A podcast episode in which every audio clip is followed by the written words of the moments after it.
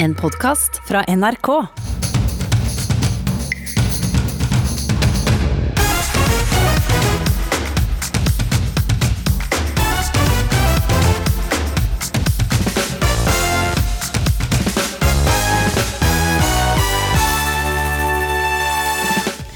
Denne påska blir fjellvettreglene erstatta med koronavettregler og byvettregler for å unngå påskekaos.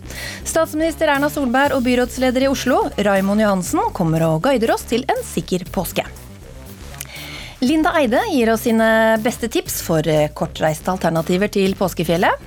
Jeg tenker at denne tida her er iallfall ei tid for å oppdage sære og artige og gode historier i sitt eget nærområde. Og påska er også tid for nytelse, noe tolletaten har fått merke. I disse tider så har vi merka en helt eh, klar, merkbar økning i, i innførsel av, av sexleketøy.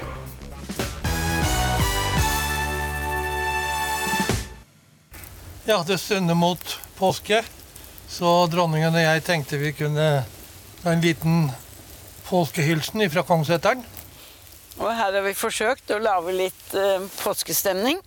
Og nå kan kanskje jeg få lov til å gi deg litt å drikke. en liten gløgg. Sånn, ja. da føler vi oss som på fjellet. Riktig god påske. Også kongeparet gjør det beste ut av denne påska, hørte vi under deres påskehilsen i går. For dette blir en helt annerledes påske for oss alle, hvor vi ikke kan gjøre som vi pleier. Statsminister Erna Solberg, hva, hva kan vi egentlig gjøre i denne påska? Vi kan jo gjøre mye av det vi pleier å gjøre, i den formen at vi kan ha det hyggelig med familien. Det må selvfølgelig være den nærmeste familien. Og eh, det er jo alle disse reglene om at eh, når det gjelder folk utenfor familien, så må det være begrenset kontakt. At det må være eh, avstand når man er på tur med én meter og to meter hvis man sitter inne lenge.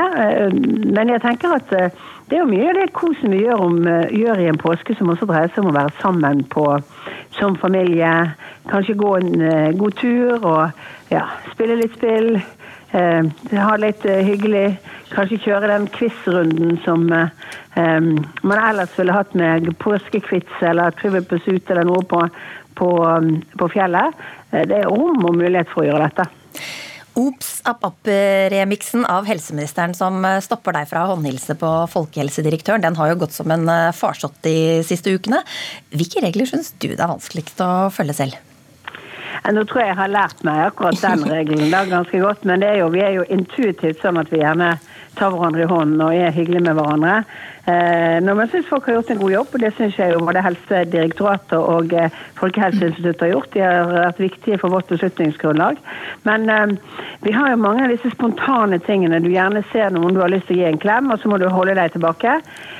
Eh, jeg syns jo folk er flinke til å gjøre dette. Jeg syns jeg ser, uh, ser det. Det er, det er, selvfølgelig noen steder det er trangt akkurat når du skal passere hverandre, men, men uh, i det store mål så mener jeg at det norske folk har Eh, fulgt opp dette regelverket. Og vi ser jo det nå på at eh, innleggelsene på sykehuset ikke øker så voldsomt. Vi har, eh, selv om vi har mange på respirator, så er det, er det ikke noen sånn drastiske økninger i tallene. Det betyr at smitteverntiltakene våre fungerer. Og så har vi vært enormt flinke og kreative folk i, i skolene for å følge opp elever.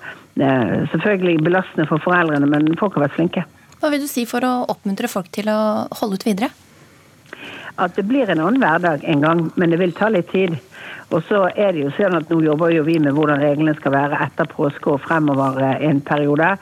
Eh, og, og det vil nok fortsatt være særlig disse sosial distanse eller fysiske avstandsreglene kommer vi måtte leve med lenge. Men eh, det blir kanskje litt lettere i hverdagen når, når vi kommer ja, noen uker fremover i tid, hvis vi fortsatt har gode gode resultater. Ja, det er, det, eh, det er, jo det, alle lurer på nå. Det er jo hvor lenge må vi holde på sånn? Og rapportene som skal eh, legge grunnlaget for eh, regjeringas avgjørelse, den blir jo ikke offentliggjort før dere har bestemt dere på, på onsdag. Hvorfor ikke det? Eh, For det at eh, dette er grunnlagsmateriale til hva vi skal fatte beslutninger om. Og de pleier aldri å være offentliggjort før regjeringen har fattet beslutningene sine. Og det som er viktig med dette, er jo at dette er forskjellige innfallsvinkler og forskjellige til ting. Og så er det jo vi som må dra det. Men det blir offentliggjort når vi har trukket noen konklusjoner. Eh, Og det viktige er jo at de helseutviklingen som pågår, må være styrende for uansett hva vi gjør. Det har vært viktig for regjeringen fra dag én av dette. At det å prioritere helsen er det viktigste. Men er det ikke viktig nettopp nå, da, som vi har så mange inngripende tiltak og regjeringa har mye makt, at det også er åpenhet rundt alle prosessene? Ja, Regjeringen har praktisert ekstrem åpenhet i alle disse sakene, og det gjør vi fortsatt. Så alle opplysninger som ligger i underliggende rapporter kommer til å være offentlige. Men vi skal ha en beslutningsprosess hvor vi også må eh, spørre og ha grundige vurderinger basert på dette. Og vi mener jo da at vi skal følge de reglene vi vanligvis har, om at den, det som er grunnlaget for beslutninger, blir offentlig når vi har gjort beslutningene. Og eh, også fordi at noen, eh, noen helsemessige opplysninger er andre, kan være annerledes i i helseopplysningsbiten fordi at de kommer seinere enn f.eks. andre vurderinger som ligger i rapporter. Men det er ikke mange dagene til dette vil være offentlig. Byrådsleder i Oslo, Raimond Johansen. Dere forbereder dere på en eh, mye mer tettpakka by, eh, og har laget egne byvettregler for eh, denne påska. Hva går de ut på? Ja, det er riktig. det. Nå skal eh, 700 000 eh, osloboere være sammen gjennom hele påsken. Så da har vi lagd noen byvettregler òg. Og eh, det første er jo det å være mest mulig hjemme. Eh, Det er en regel. Og det å vaske hendene ofte. eh, Det å gå, det å gå tur der du, der du bor, og gjerne legge turen til andre tider enn midt på dagen.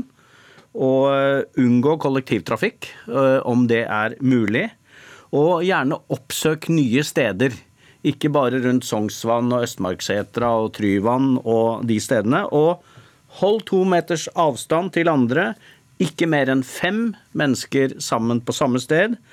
Og vær så snill å ikke planlegge den store festen med venner hjemme i påsken. Og sist, men ikke minst, følg de nasjonale reglene for karantene og isolasjon. Så det er de ti byvettreglene som vi har lagd. Men hvordan skal dere håndheve disse reglene? Ja, så Først er jo det bl.a. blant annet å komme hit og snakke om dem er viktig. Eh, Folk lytter jo til NRK og til media nå, så det å bruke alle kanalene for å være kjent med dette Mitt inntrykk er jo at eh, folk er veldig flinke. Eh, Men så må vi jo gå og se at vi har noen utfordringer, ikke minst nå er det påskehandelen. Vi frykter at det kan bli eh, trengsel, at eh, hamstring kan bli en utfordring. Så derfor er vi opptatt av å oppfordre folk til å nå spre handelen utover før, eh, før påske, for å unngå at for mange mennesker er på samme sted. I tillegg så ønsker vi å ha folk rundt som kan påpeke informere folk om hva som er riktig. Sitter du ti stykker i en park og øh, sitter oppå hverandre, så kommer det, må du regne med at det kommer noen og sier at nei, det er ikke bra. Dere skal bare være fem. Men Minner ikke det litt om samfunn som vi ikke egentlig har så lyst til å, å sammenligne oss med? Da? At noen kommer sånn og passer på oss? Jeg tror øh, det vi har gått gjennom de siste ukene, minner øh, ikke om noe vi har opplevd tidligere. Så det å passe på hverandre, vise solidaritet Dette er en alvorlig epidemi. Eh, Den er dobbelt så smittsom som en influensa og fem ganger så farlig. Så jeg tror at alvoret har gått opp for folk, og denne felles dugnaden skal vi være med på. Og nå er det et lite lys i tunnelen. Og da er det dumt å slippe opp så tidlig at vi må treffe tøffere tiltak om en liten stund igjen. Så hold ut, prøv å følge de rådene, så kommer vi gjennom dette sammen. Vanligvis er det jo fjellvettregelen som vi minner om i påska for å forebygge ulykker. Men eh, Kjersti Løvik, landsrådsleder i Røde Kors eh, hjelpekorps, dere har også laget egne koronavettregler. Hvorfor det? Og det har vi fordi, eh, som Raymond Johansen eh, sa, og også statsministeren, så har vi litt andre tider i dag. Eh, Vi eh, har noen avstandsregler som vi må forholde oss til, og det er jo eh, noe vi ikke har i de vanlige fjellvettreglene, bl.a. Ja, hvordan påvirker det beredskapen deres? Vi har beredskap egentlig som normalt, fordi eh, en normal påske så flytter vi beredskapen vår dit folk er i påska, og det gjør vi nå òg. Nå har de fleste hjelpekorpsene eh, beredskap eh, hjemme fra, hos sin egen stue. Og har beredskap mer i egen kommune enn på fjellet, fordi det vil være færre folk der. Matbutikkene de eh, frykter eh, kaos, eh, litt sånn som byrådslederen her nevnte. Og direktør for næringspolitikk og myndighetskontakt i Norgesgruppen, Bård Gultvedt. Dere altså oppfordra folk til å droppe å handle i dag, og heller ta det på onsdag, eller ta tatt i forkant av disse dagene. Ser det ut til at folk har tatt den oppfordringa så langt? Ja, Det vi ser så langt, er at folk bruker liksom alle åpningstimene i butikken, så handelen spres mye mer gjennom hele dagen. Eh, sånn, og da På den måten så unngår man jo at folk eh, handler samtidig, og at smittepresset da blir mindre. Så det syns vi er bra, og det er jo det vi oppfordrer til også nå i dagene som kommer. At man bruker butikkens åpningstider, eh, og at man gjerne legger ut på handletur alene, og ikke tar det som en familieutflukt. Og Enkelte av deres butikker planlegger å bemanne opp med kundeverter. Hvordan skal det fungere? Ja, det fungerer jo egentlig ganske enkelt at eh, det er en vert som står ved inngangen til butikken og sørger for at eh, det ikke for mange kunder går inn samtidig, sånn at smittepresset blir minst mulig. Eh, målet er å sørge for en god opplevelse både for kunder og for ansatte, sånn at alle skal være trygge på at, at du handler trygt. Statsminister Erna Solberg, hva tenker du om alle disse ulike ekstra koronareglene? Ja, nå syns jo jeg egentlig at jeg hørte at dette var egentlig helt i tråd med det Folkehelseinstituttet og Helsedirektoratet har gitt av regler, og det er bra. Det er faktisk eh, ikke bare en liten oppfordring og en regel, det er faktisk påbud om å ikke være mer enn fem personer når du går ute. Det er i form av smittevernloven, og du får ikke lov å gå på fest. Eh, det er altså bøtelagt personer med klekkelige bøter fordi de har gått på fest når eh, f.eks. de har vært smittet i en karantene. Men det er klart, eh, det er, jeg skjønner det kan være fristende for mange akkurat nå og synes dette har holdt på lenge, men eh, de må rett og slett holde fast og holde ut. og Så blir det jo bedre etter hvert. Men det er viktig å huske Det fineste jeg egentlig ser, er jo oppslutningen rundt alle disse reglene. Og når det er så høy oppslutning som 70-80, nesten 90% på en del av disse reglene, så betyr det jo at folk har skjønt alvoret, og at de lever etter disse reglene, og det er bra. I fjor så sa du til oss i ukeslutt at du hadde funnet fram bikini og solkrem for å dra sydover i påska. Hva håper du å få til av fri denne påska? Jeg håper jo å få noen eh, fridager på uh, helligdagene. Det blir jo full jobbing eh, disse arbeidsdagene fremover. Og så er det nok sånn at jeg blir i beredskap. Så det blir Oslo. Og jeg har nå kjøpt meg et par bøker, og jeg har vi har hamstret noen spill inn til familien, og så får vi da se om eh, hvem som får verdensherredømme i Risk i løpet av, løpet av, helgen. Jeg håper det blir tid til det. Ja, Vi ønsker lykke til, til, med det. Og det blir faktisk flere gode boktips og bokreiser her senere i ukeslutt, så jeg har lyst til å høre videre på det. Tusen takk, statsminister Erna Solberg, Oslos byrådsleder Raimond Johansen og Kjersti Løvik fra Røde Kors hjelpekorps og Bård Gultvedt, direktør i, for næringspolitikk i Norgesgruppen. For mange så er påska synonymt med å reise til fjells, til en storby eller kanskje hjem. Men i år får du ikke lov til å reise, og i hvert fall ikke så veldig langt. Vår reporter Philip Johannesborg har forsøkt å finne ut hva du kan gjøre i stedet for å dra på påskefjellet. Har du et råd til folk som skal til fjells i påsken?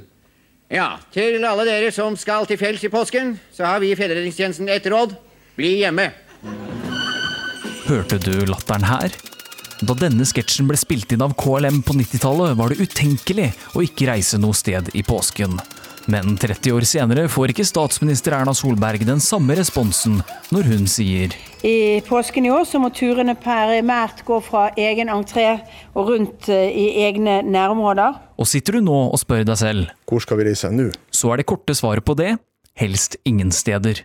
Eller hva, helseminister Bent Høie? Nei, En eh, bør unngå unødvendige reiser, og det å reise på påskeferie er ikke en nødvendig reise i den situasjonen som vi er i nå. Og så lenge koronasituasjonen holder stand, er det mange reiser du bør unngå. Blant annet Ja, det er jo å dra på hytter da, som ligger i en annen kommune, for det er ikke lov. Eh, en kan ikke dra til Sverige på harryhandel, som jeg vet også noen har tradisjon for å gjøre i påsken. Og drar du til de to nordligste fylkene i landet vårt, eller til utlandet, så risikerer du karantene. Eh, men eh, det er jo gjerne hyggelig å tenke på alt det en kan gjøre, og det er ganske mye. For det finnes håp for de som savner reisefeberen. F.eks. mulig å, hvis du har båt, å ta en tur på, på sjøen og nyte det, grønne, nei, det blå friområdet. På samme måte som når du er på land, så kan du gå på tur og nyte de grønne friområdene. Og i det området som du bor. Ikke, ikke ta ut på de lange turene, og ikke heller ta ut på turer som gjør at du utsetter deg sjøl for en risiko for at du har behov for å få assistanse for redningstjenesten og andre, for de er opptatt med andre ting eh, nå. Og er du student eller pendler, kan du også reise hjem. Slik som vår helseminister. Jeg håper å få reise hjem eh, til, til Stavanger. Dag Terje og jeg ønsker å tilbringe påskehelgen der hvis eh, ting går bra. Men slik er det ikke for alle. Besøker du Oslo S fredag før påske, så forventer du et folkehav av desperate skiturister. Og på spørsmålet om du skal noe sted i påsken, så forventer du et ja, men i år så får du et nei. Nei, jeg skal være her i, i Oslo. Eller ja. Nei, da blir jeg hjemme. Fikse litt på huset, kanskje. Nei. Ingen steder? Ingen steder, bare hjemme. Nei, jeg skal jobbe neste uke. Mens andre bare ler.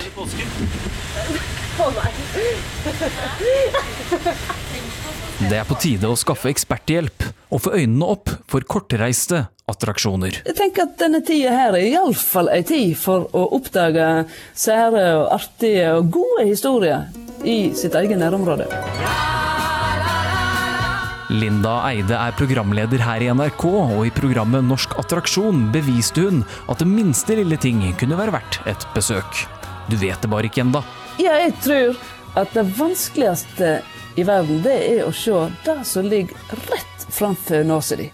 Og ifølge programlederen kan dødvinkelen foran nesa di lett nøytraliseres om du bare er litt nysgjerrig. Det er å spørre. Jeg har jo sjøl vært blind. Jeg har jo gått forbi en helt fantastisk ruin av en hoppbakke her i Bergen, oppe på Byfjellene. Helt til jeg litt sånn ad omveier fikk uh, mer kunnskap om den bakken, som altså ble bygd i 1937 og innvia av av uh, Birger Ruud, som nettopp hadde blitt OL-mester i 36, og som var på turné her og sa at jeg skal innvie denne bakken hvis det kommer 15 cm nysnø i morgen.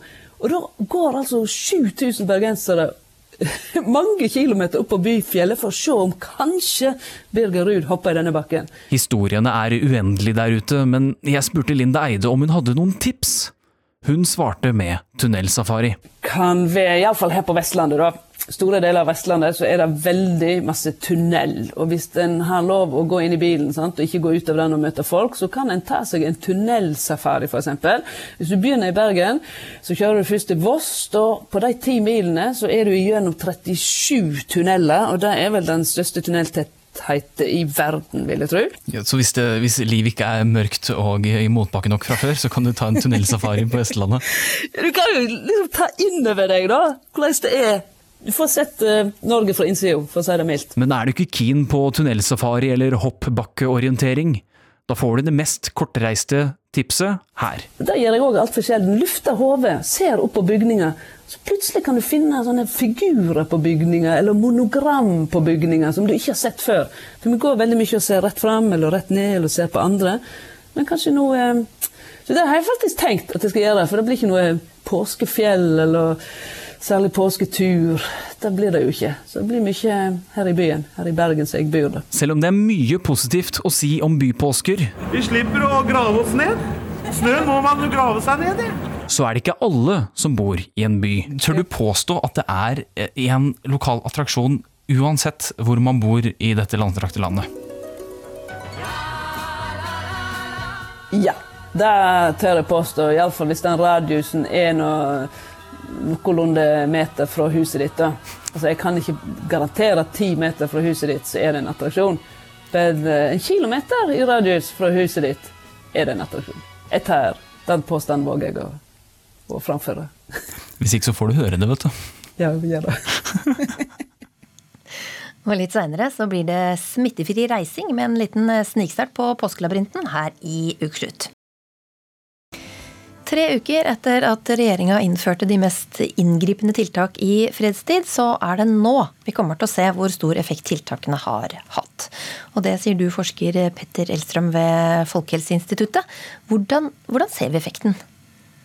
Ja, eh, vi ser jo nå at den siste uka så er det en utflatning av eh, nye tilfeller. Det er både de som eh, blir oppdaget når vi prøvetar, hvor mange som blir oppdaget, hvor mange som blir innlagt eller som ligger inne i sykehus, hvor mange som ligger i intensiv og hvor mange som ligger på respirator.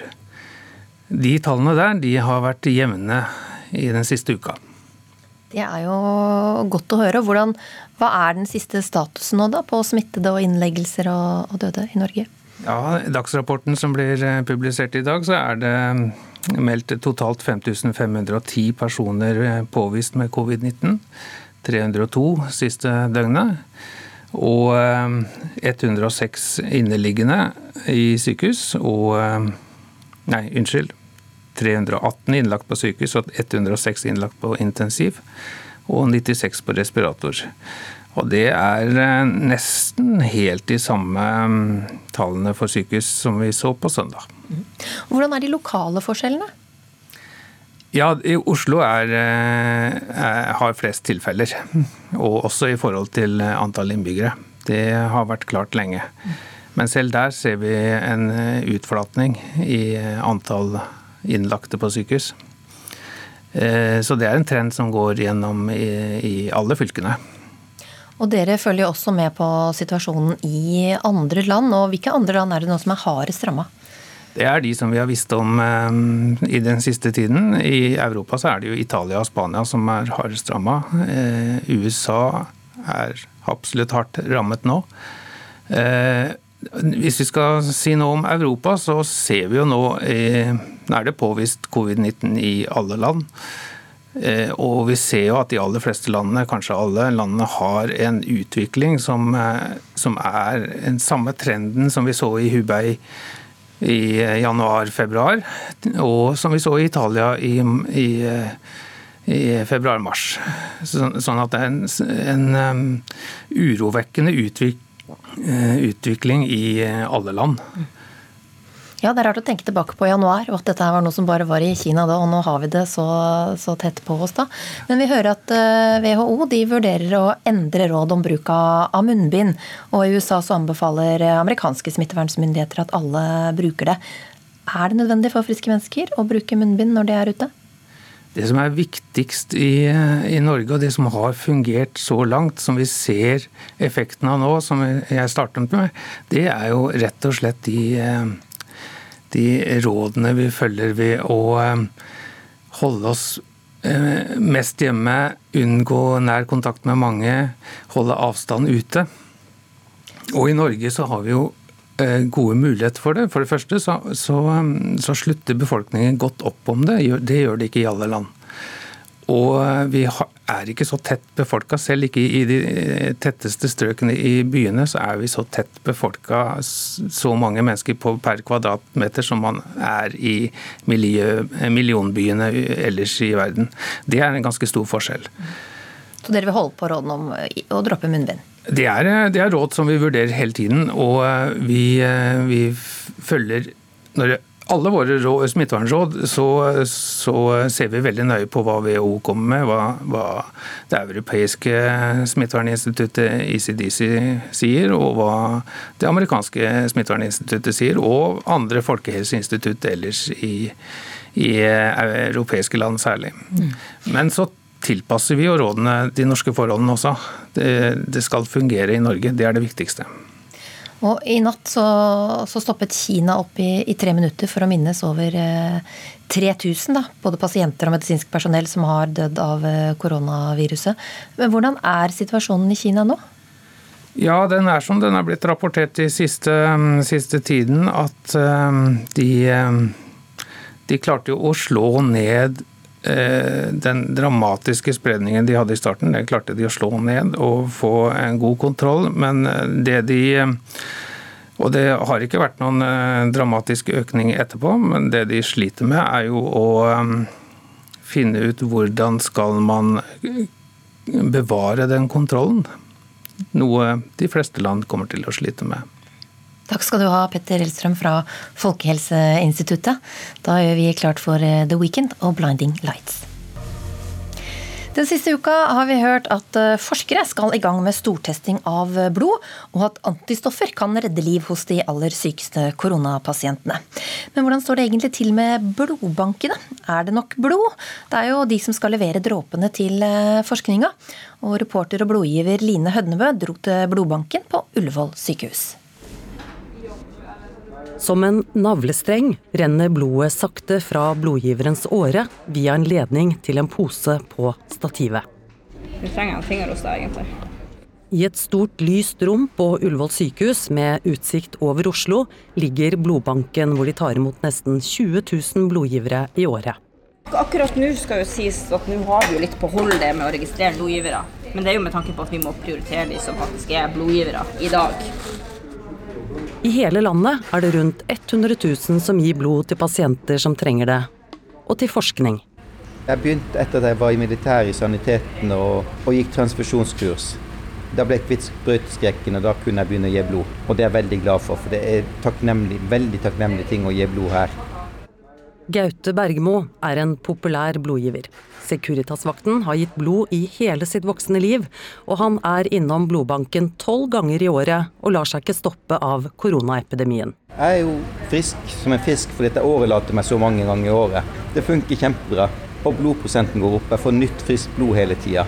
Som blodgiver, tenker du litt ekstra på disse tingene akkurat nå for tida? Selvfølgelig, men igjen så er jeg veldig trygg på blodbanken her. Og blodbanken i Norge sånn generelt er veldig streng på å sjekke ting. Og det tenker jeg er veldig bra, for det betyr at det blodet som kommer fra meg eller fra andre til noen som trenger det, det skal være trygt. Nå er det min tur til å gi blod.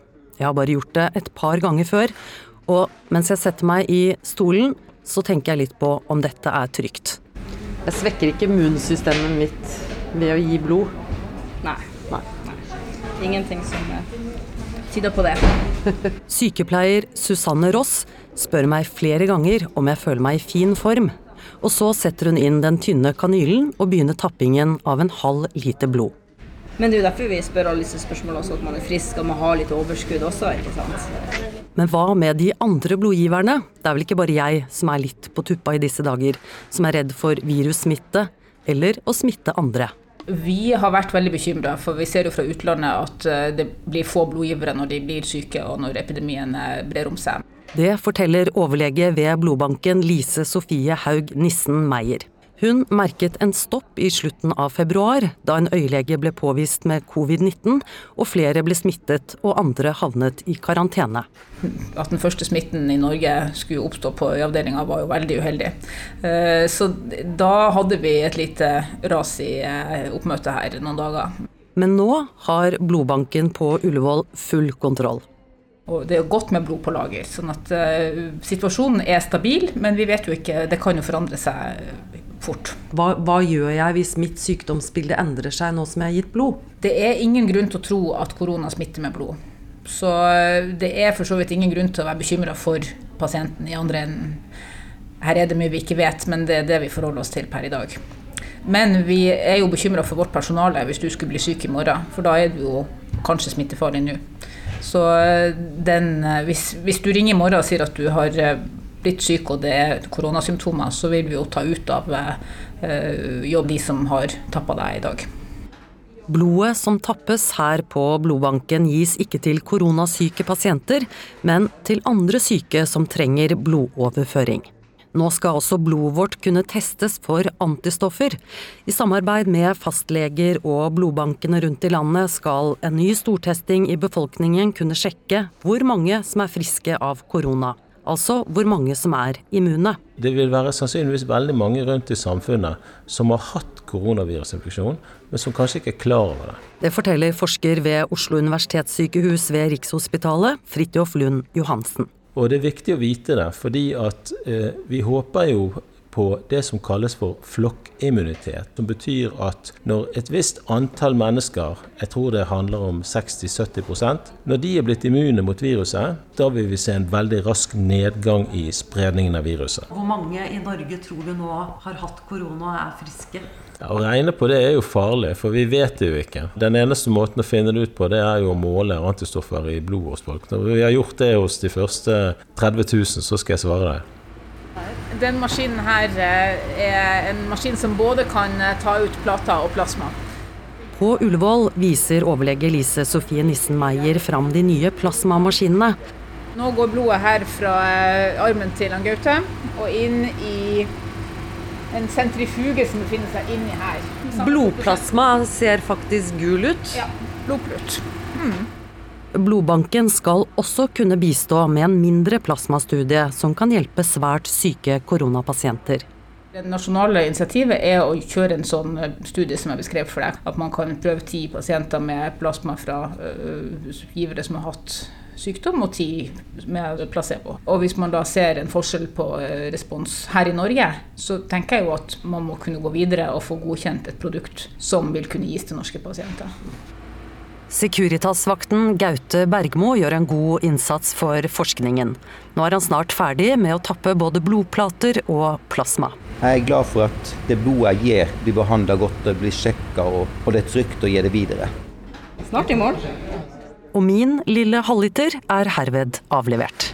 Har du ligget her i fem og et halvt minutt, så ikke det verste dugnaden man kan gjøre i disse tider. Ligge her og drikke brus og slappe av.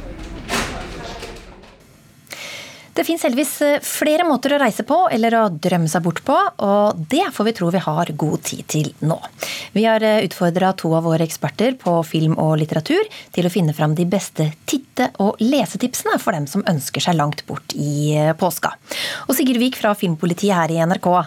Til de som har avbestilt storbyturen, hva, hva vil du anbefale dem å, å se?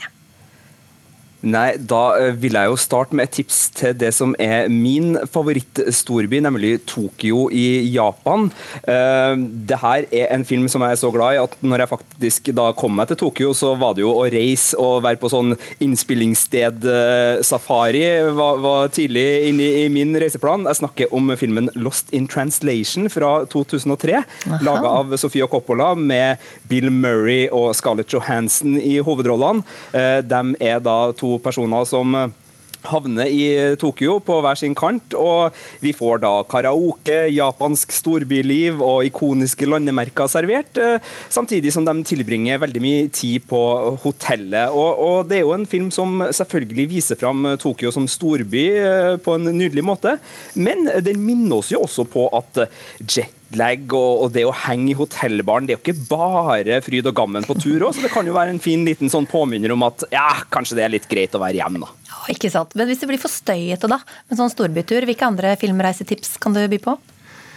Jeg er veldig glad i den britiske landsbygda. Den er jo aktuell nå fordi nesten all påskekrimmen foregår på den britiske landsbygda, men der finner vi også sauen Shaun.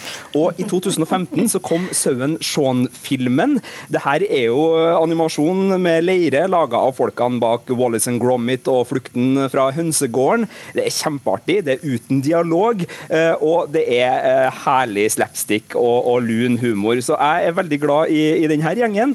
Eh, og Sauen Shaun-filmen har jo også eh, et lite budskap, for den handler jo om at det begynner å bli litt kjedelig på den britiske landsbygda, så de prøver å piffe opp livet litt ved å, å fjerne bonden fra regninga, sånn at de kan leke seg og ha det artig. Eh, men så går jo ikke det så bra. De havner også på storbysafari, og så skal ikke jeg avsløre for mye, men, men slagordet 'borte bra, hjemme best' er jo også relevant i denne filmen. Det er en grei påminnelse. Og så kan du friste kort til slutt med en helsprø reise til USA?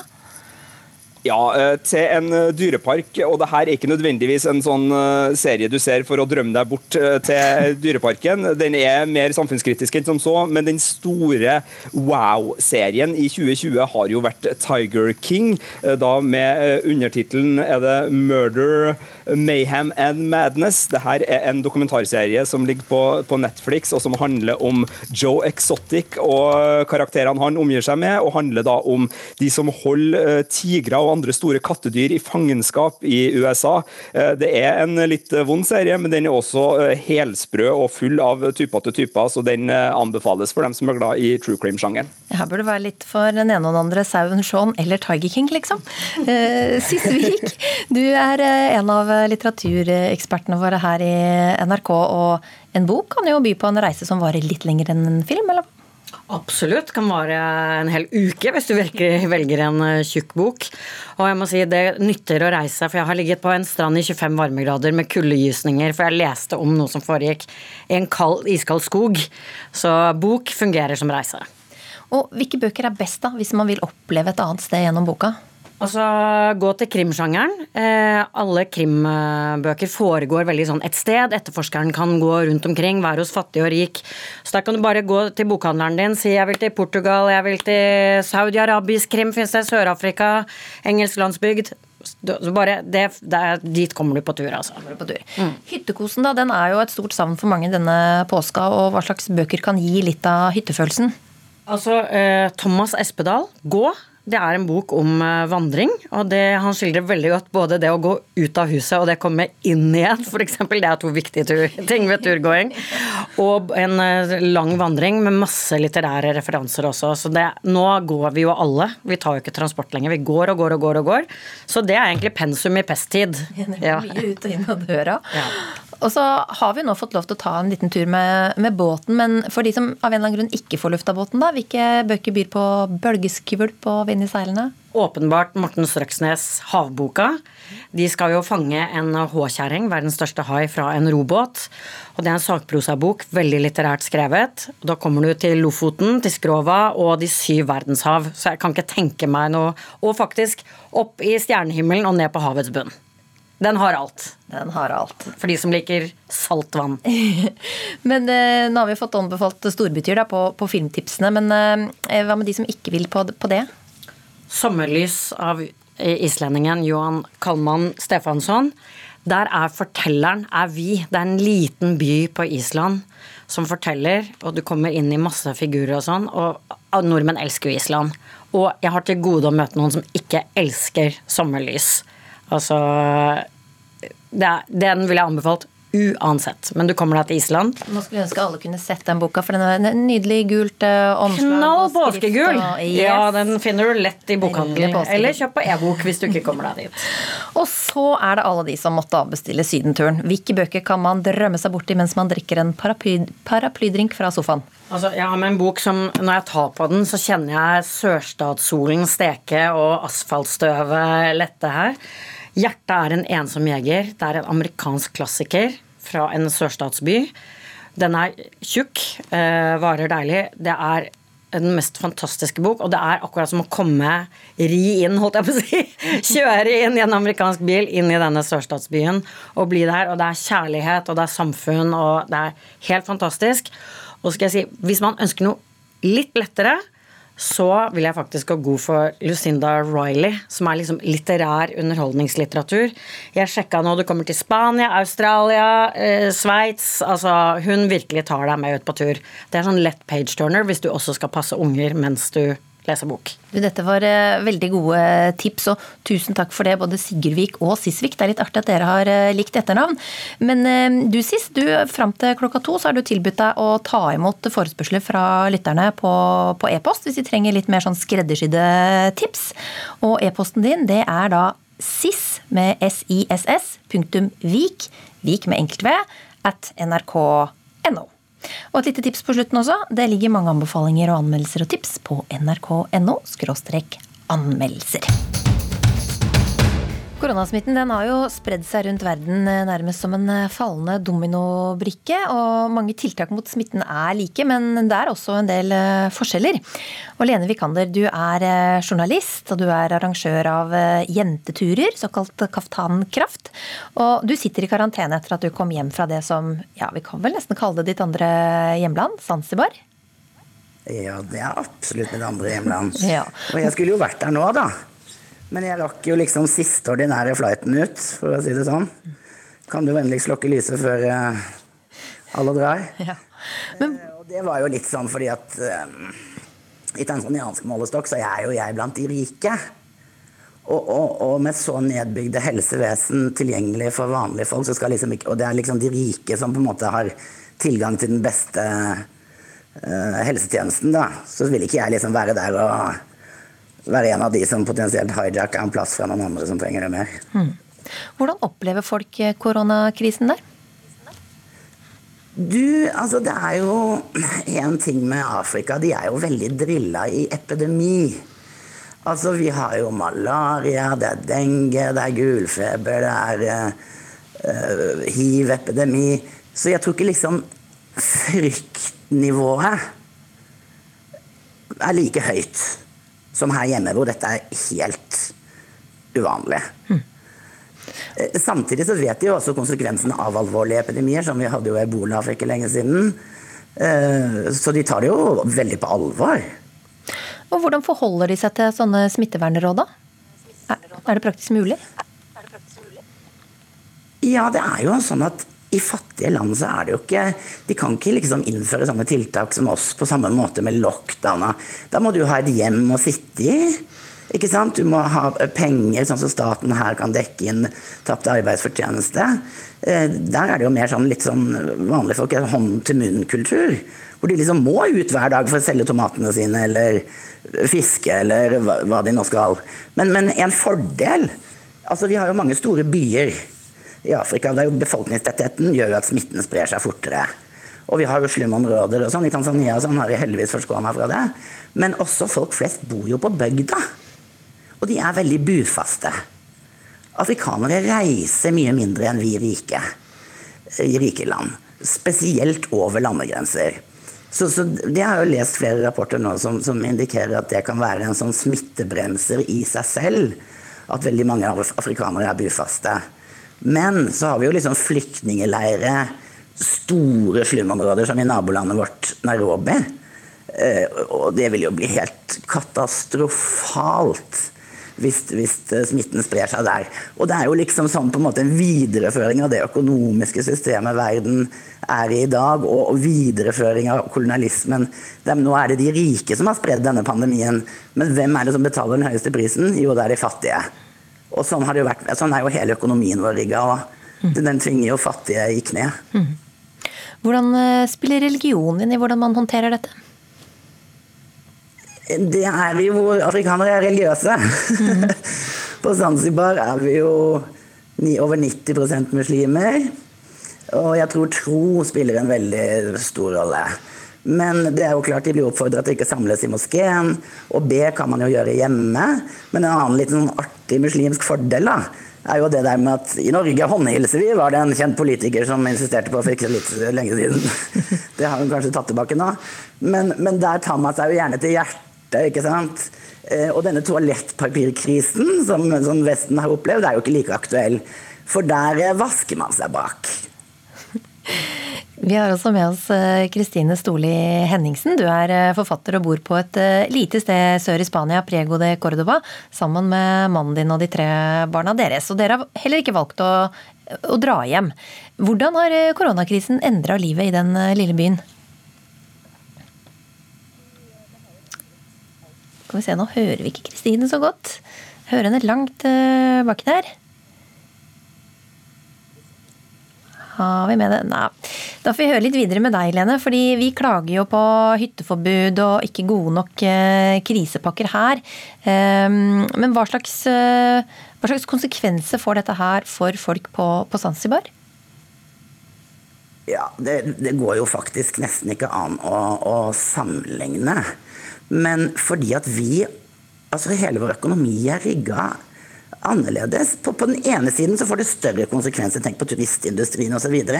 Men, men vi er mye mer sånn eh, internasjonal eksport, import. ikke sant? Vårt system bryter mye fortere sammen. Mens den liksom jevne tanzanianer vil alltid ha liksom shamba et sted på landet. Altså det, det med å skaffe seg mat. Ikke sant? Og alt dette her. Så det er lokalt. Liksom, mm. Ja, det er mye mer lokalt. Det er et sånn eh, en helt annen måte å, å, leve på.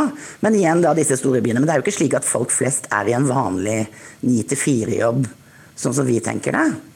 Eh, så, så, på den ene siden så er det liksom en fordel, men på den andre siden så er det jo en veldig stor ulempe. Hva med når ikke er noen der til å kjøpe tomatene dine, liksom?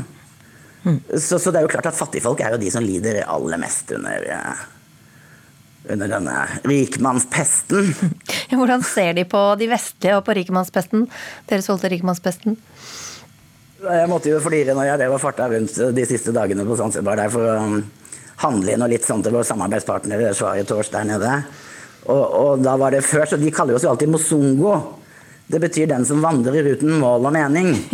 Og det kommer jo fra den gangen disse såkalte oppdagerne oppdaget Afrika. Det var jo masse folk der fra før.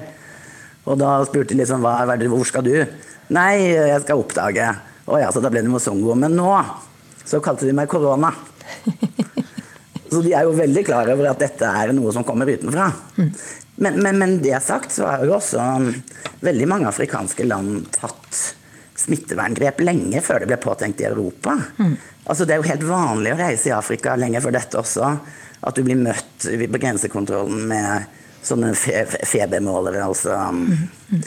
Ser ut som en liten sånn pistol. Uh, og det ble jo uh, veldig trappa opp. Og også så satte de jo forbud med fly fra Italia veldig tidlig.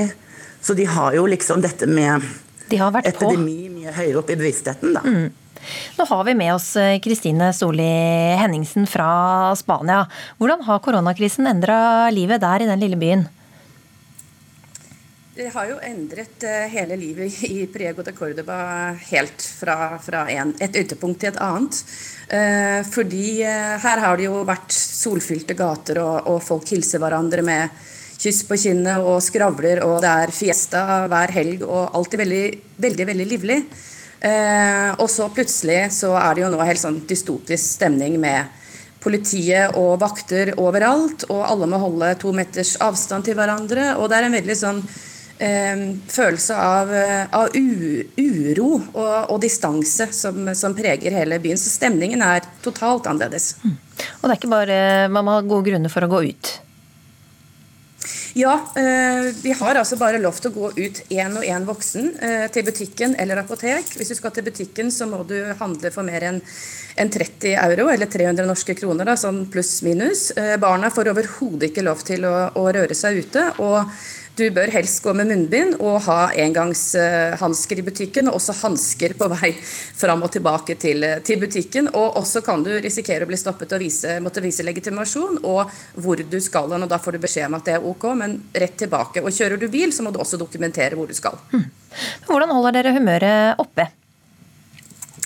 Altså For det første så er det jo mange som det er mye mer synd på enn en oss, så fokuset er jo der. Eh, vi har jo i hvert fall en online business og vi ikke har mista jobben. Og vi har en stor eh, veranda som er på omtrent Eller patio kalles det her, da. Uteplass på 50 kvadrat hvor ungene kan spille fotball og vi kan ta oss en kopp kaffe eller et glass vin i, i sola.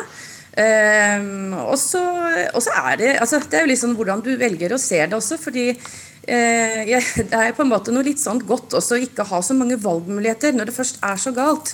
Ikke sant? Så, så, eh, så, er det nesten litt godt også å sitte hjemme og kunne fokusere mer inn, lese bøker, ha gode samtaler. Um, og så er det også den roen i Spania at i motsetning til Norge, ser jeg da, hvor det hele tiden er spørsmål om hva man kan gjøre og ikke, så er det på en måte ingen spørsmål om det her. Altså Du holder deg innendørs, og da er det veldig sånn enkelt å forholde seg eh, til. Så det roer nesten Jeg vil si at jeg tror jeg roer en del av befolkningen i seg sjøl. Da sier jeg tusen takk til dere for dette lille innblikket i eh, situasjonen på både Zanzibar og i Spania. Lene Vikander og Kristine Stoli Henningsen. Og nå et lite stemningsskifte her i Ukeslutt.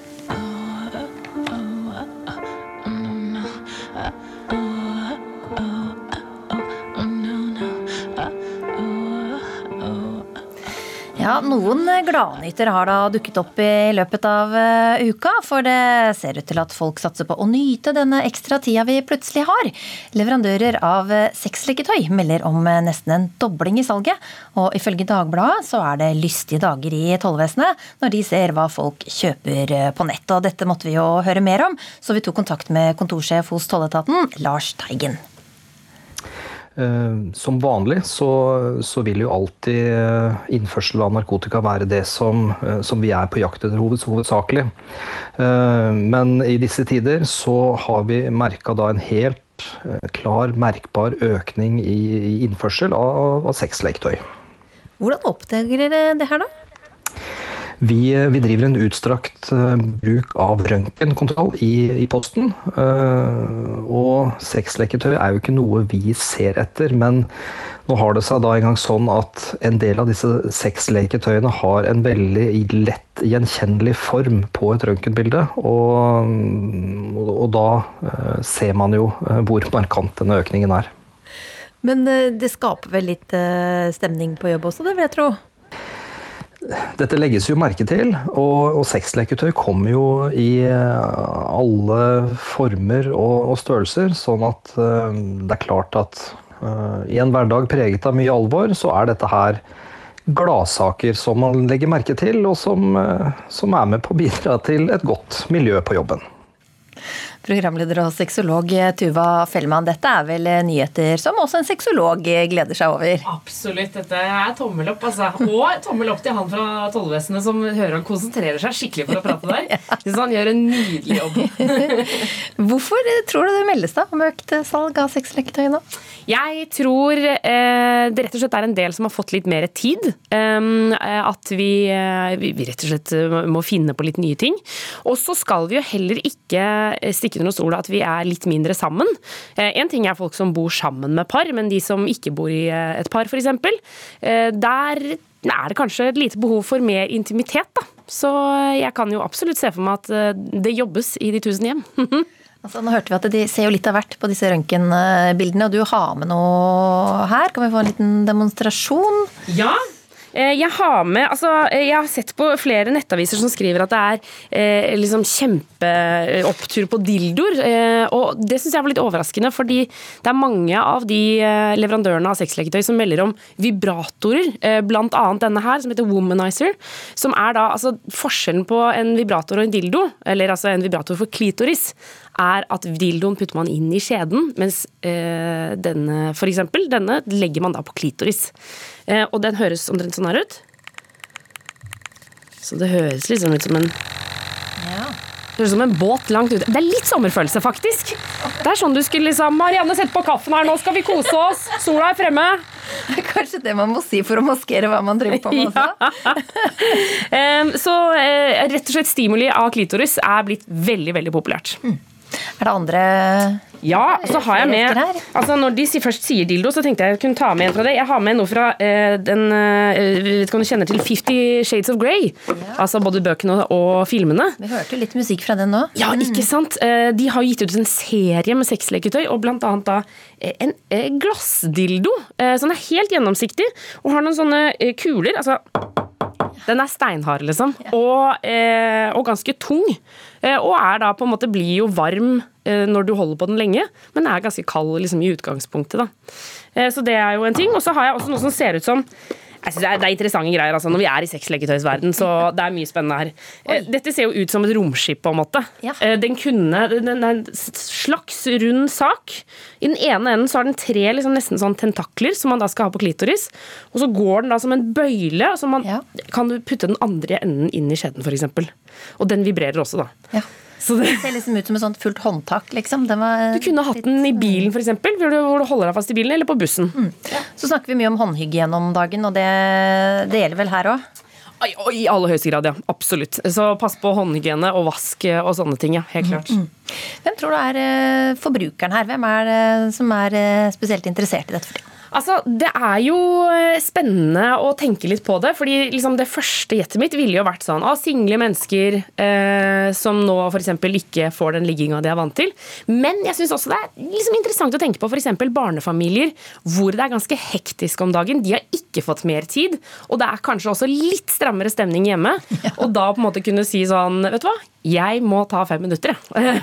og da kanskje skru på noe ekstra nytelse. Mm. Det kan godt hende, altså. Jeg ser også for meg mange der hjemme som rusler mer rundt i joggebukse og avlagte T-skjorter enn en vanlig, liksom.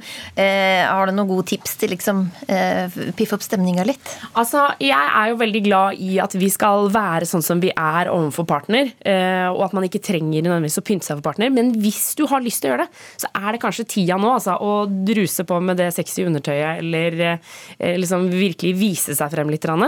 Eh, så det å være liksom sexy overfor eh, de man bor sammen med, nok en, kan være en fin idé. De single, da? Har du noen tips til dem? Ja, altså jeg syns at det å bruke fantasien er et tips som jeg liksom ikke kan få gitt nok. Og det høres veldig enkelt ut, men allikevel så tror jeg vi undervurderer fantasiens kraft ganske ofte. Både i kontakt med partner, men også alene. Og hvis man f.eks. har en kjæreste som man ikke bor sammen og dermed ikke treffer så ofte. Vi får jo f.eks. i Juntafil spørsmål fra folk som bor i forskjellige kommuner og da ikke får treffe hverandre. Det å lage og skape en fantasi sammen er jo en kjempefin ting. Altså, det blir jo nesten som en fortelling, og så eier man den sammen. Så det å ikke undervurdere fantasien, det tror jeg også er superviktig. Det kan bli en liten påskereise. Å, ja, ja, ja, ja, ja. Det er helt nydelige muligheter her nå. Men tror du folk benytter anledninga også til liksom Ja ja, nå har vi jo tida til å utforske og prøve noe nytt? Ja, jeg håper jo det, da. Altså, Seksualiteten er jo flytende, og den er så fin og formbar, på en måte. Så det å prøve seg litt frem, det er, eh, altså, det er en helt nydelig mulighet til å, til å gjøre det nå. Eh, og så er det jo bare viktig når vi liksom sier det, at husk å liksom kjenne på egne grenser, og kjenne på hva er det jeg har lyst til, og hva er det jeg kanskje ikke har så lyst til. Fordi at hvis én har veldig lyst til noe, så er ikke det god nok grunn til at begge to skal på døde liv gjøre det. Men hvis man liksom Ja, vet du hva, det her kan jeg teste. Og så huske på at det er alltid lov å trekke seg. Kan man si at det var ikke noe for meg allikevel. Og så stopper vi. Veldig viktig påminnelse. Du, Tusen takk skal du ha, Tuva Fellmann. Takk for meg.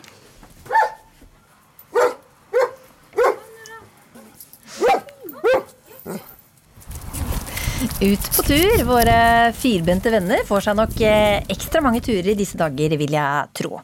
De er kanskje vant til å være hjemme alene, mens eh, matmor og matfar er på jobb, og nå har de plutselig selskap døgnet rundt. Så hvordan har hundene, og kanskje også kattene det nå, i denne nye hverdagen?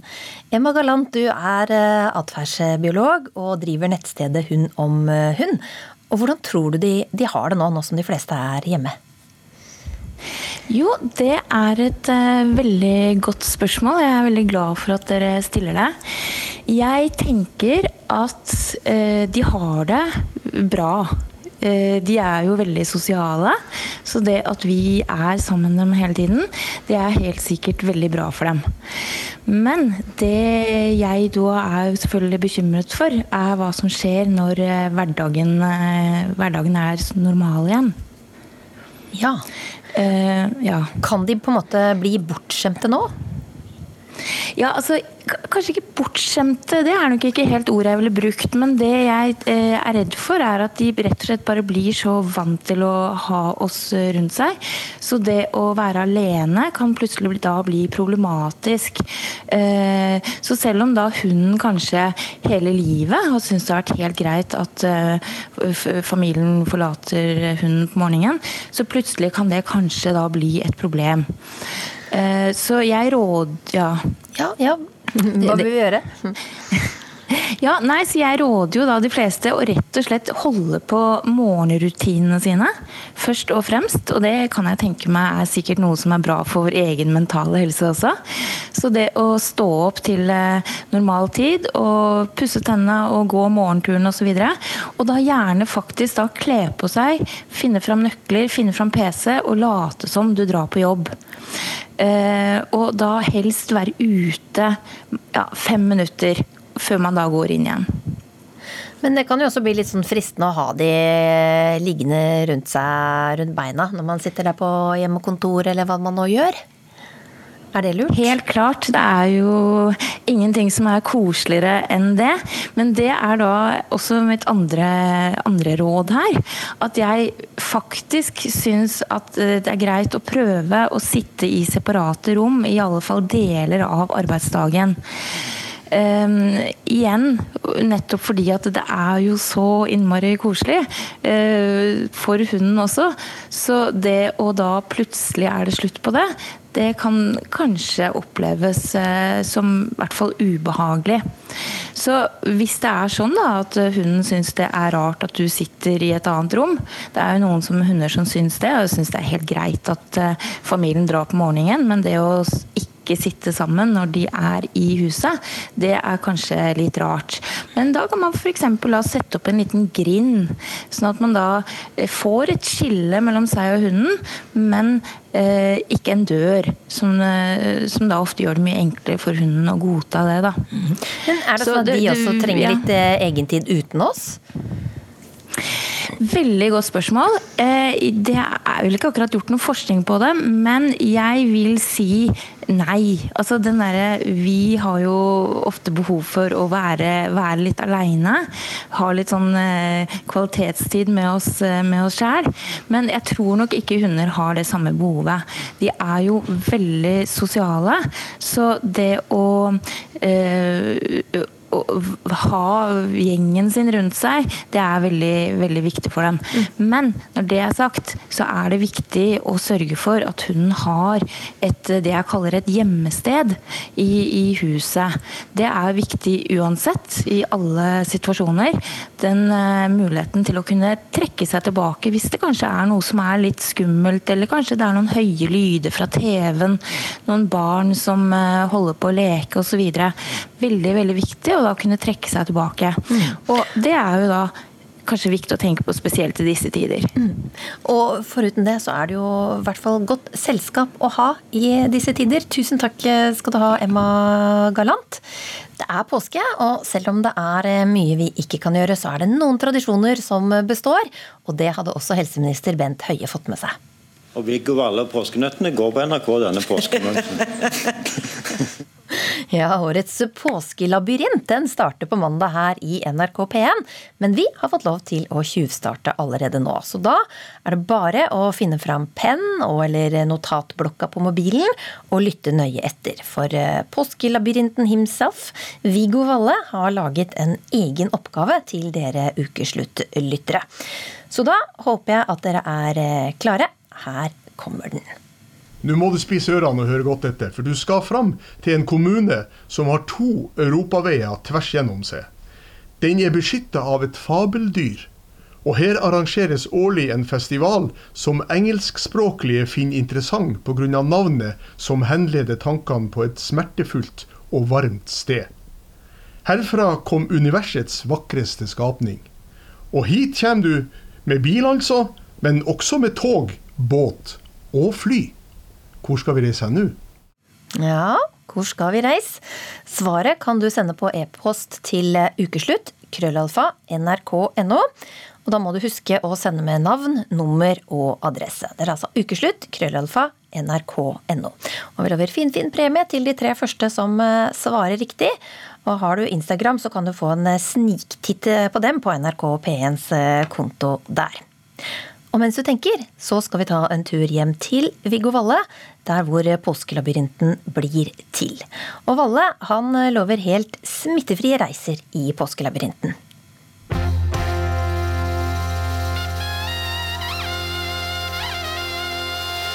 Påskelabyrinten! Jeg hører jo stadig vekk om folk som har hørt på i alle sendingene. De sier at de har hørt på siden 1987, da programmet gikk på lufta første gang. Og det nytter ikke å lure deg med å, å plukke frem gamle oppgaver og presentere det på nytt igjen, for det, det blir avslørt med en gang. I et bitte lite hjemmekontor i garasjen i det gule rekkehuset på Stjørdal sitter mannen, programlederen og legenden bak Påskelabyrinten og spørsmålet Hvor skal vi reise nå? Han gjør siste finpuss på spørsmålene og manus til årets påskelabyrint. Eh, nå har jo Lillian vært her og rydda litt til du skulle komme, så det var jo veldig greit. Men eh, jeg har en komplett samling av hvem var hvor. Så jeg har eh, Jeg mangler, tror jeg, et par bøker. 1939 tror jeg jeg mangler, og 1936. Her er en uendelig kilde til uh, inspirasjon til Påskelabyrinten og til å lage oppgaver. I år har flere trofaste påskelabyrintlyttere uttrykt sin bekymring for at skattejakten ikke kommer til å bli den samme, da myndighetene fraråder oss på det sterkeste å reise bort. Skaff dere noen gode spill. Lat som dere er på hytten, men bli hjemme. Ukeslutt tok derfor på seg oppgaven å finne ut om lytterne har grunn til å frykte at svaret på årets påskelabyrint blir som bl.a. Dagsnytt 18-programleder Espen Aas tror. Alle vet vel i år svaret på det legendariske 'Hvor skal vi reise?' Ingen steder. Programleder for Påskelabyrinten, Viggo Valle, sier at det er ingen grunn til å enge seg for det. Påskelabyrinten er sånn som den har vært, og den skal være sånn som den har vært. Her kan du reise i fantasien. helt smittefritt. Og du kan treffe folk, du kan ta dem i handa, du kan gi dem en klem. Det er bare påskelabyrinten du kan gjøre det nå. Vi gjør akkurat som vi lyster.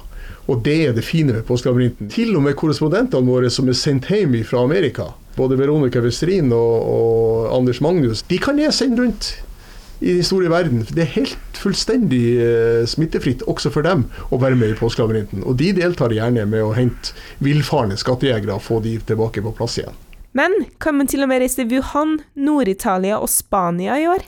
Det er helt ufarlig i påskelabyrinten, for du blir ikke smitta av å høre på påskelabyrinten. Garantert ikke. Det, det tror jeg jeg kan love ganske, ganske sikkert. Sjøl om programlederen garanterer at ingen vil bli koronasmitta ved å reise sammen med han i påskelabyrinten, så likevel søsterprogrammet i P1 Pluss skifta navn. Vi har forandra navnet på det fra forrige år og fra året derfor, da det heter Påskelabyrintens afterski. Og eh, den observante lytter vil kanskje kunne gjøre seg opp noen tanker omkring hvorfor vi har forandra det til Påskelabyrintens ettermiddag. Snart går startskuddet for årets påskelabyrint, og det er bare å glede seg. Kanskje må du få litt hjelp på veien, sånn som en av fjorårets deltakere fikk. Bakom synger skogene. Å ja, hallo! og, det andre, og det andre bindet er altså vind fra et fjell med et menneske Om det blir satt ny lyttertallrekord i år, det gjenstår å se. Kanskje er det ikke usannsynlig, da det her vil være den eneste påsketuren for mange av oss. Det er mange som sier det. Det er veldig mange som har sagt det til meg, at uh, nå er folk eh, sitter hjemme og ikke, er ikke så mobil som, som, før. Så jeg ser jo ikke bort ifra det at det kommer til å bli eh, bra lyttertall. Reporter var Runa Leinan, og det blir straks svar på oppgaven fra Viggo Valle, og svar på hvem som vant. I mellomtida så hører vi på Ed Sheeran og Shape of You. Og da skal vi høre hva som var riktig svar fra Viggo Valle. Ja, det er klart det svaret er Stjørdal, kommunen som jeg bor i. For der har du både Europavei 6 som går gjennom kommunen, og så har du Europavei 14 som går til Sverige. Og her har vi også flyplass. Trondheim lufthavn Værnes ligger jo i Stjørdal kommune. Og, og, det er selvfølgelig tog som går gjennom. Nordlandsbanen går jo gjennom her, og Meråkerbanen òg, for så vidt. Og så har vi jo Mona Gruth, som var Miss Universe. Og så har vi bluesfestivalen på Hell, Blues in Hell, som engelskmenn ynder pga. navnet Hell, som de jo forbinder med noe helt annet og mye varmere enn det i virkeligheten er på Hell. Og eh, beskyttelsen er selvfølgelig kommunevåpenet, som er en lindorm. Et fabeldyr som er beskytteren for eh, Stjørdal kommune. Det kom inn mange riktige svar her, men paparapam, de tre første med riktig svar, det var Thomas Lidal Jamne, og det var Anita Nordås og Liv Randi Arntzen Thorsjø. Gratulerer, dere får to av NRKs flotte sitteunderlag i ull som premie i posten. Og de kan jeg love er gode å sitte på, også under en lokal gåtur. Det var rett fra ukeslutt. Ansvarlig var Line Forsmo. Det tekniske sørget Helge Svensson for, og i studio var Linn Beate Gabrielsen.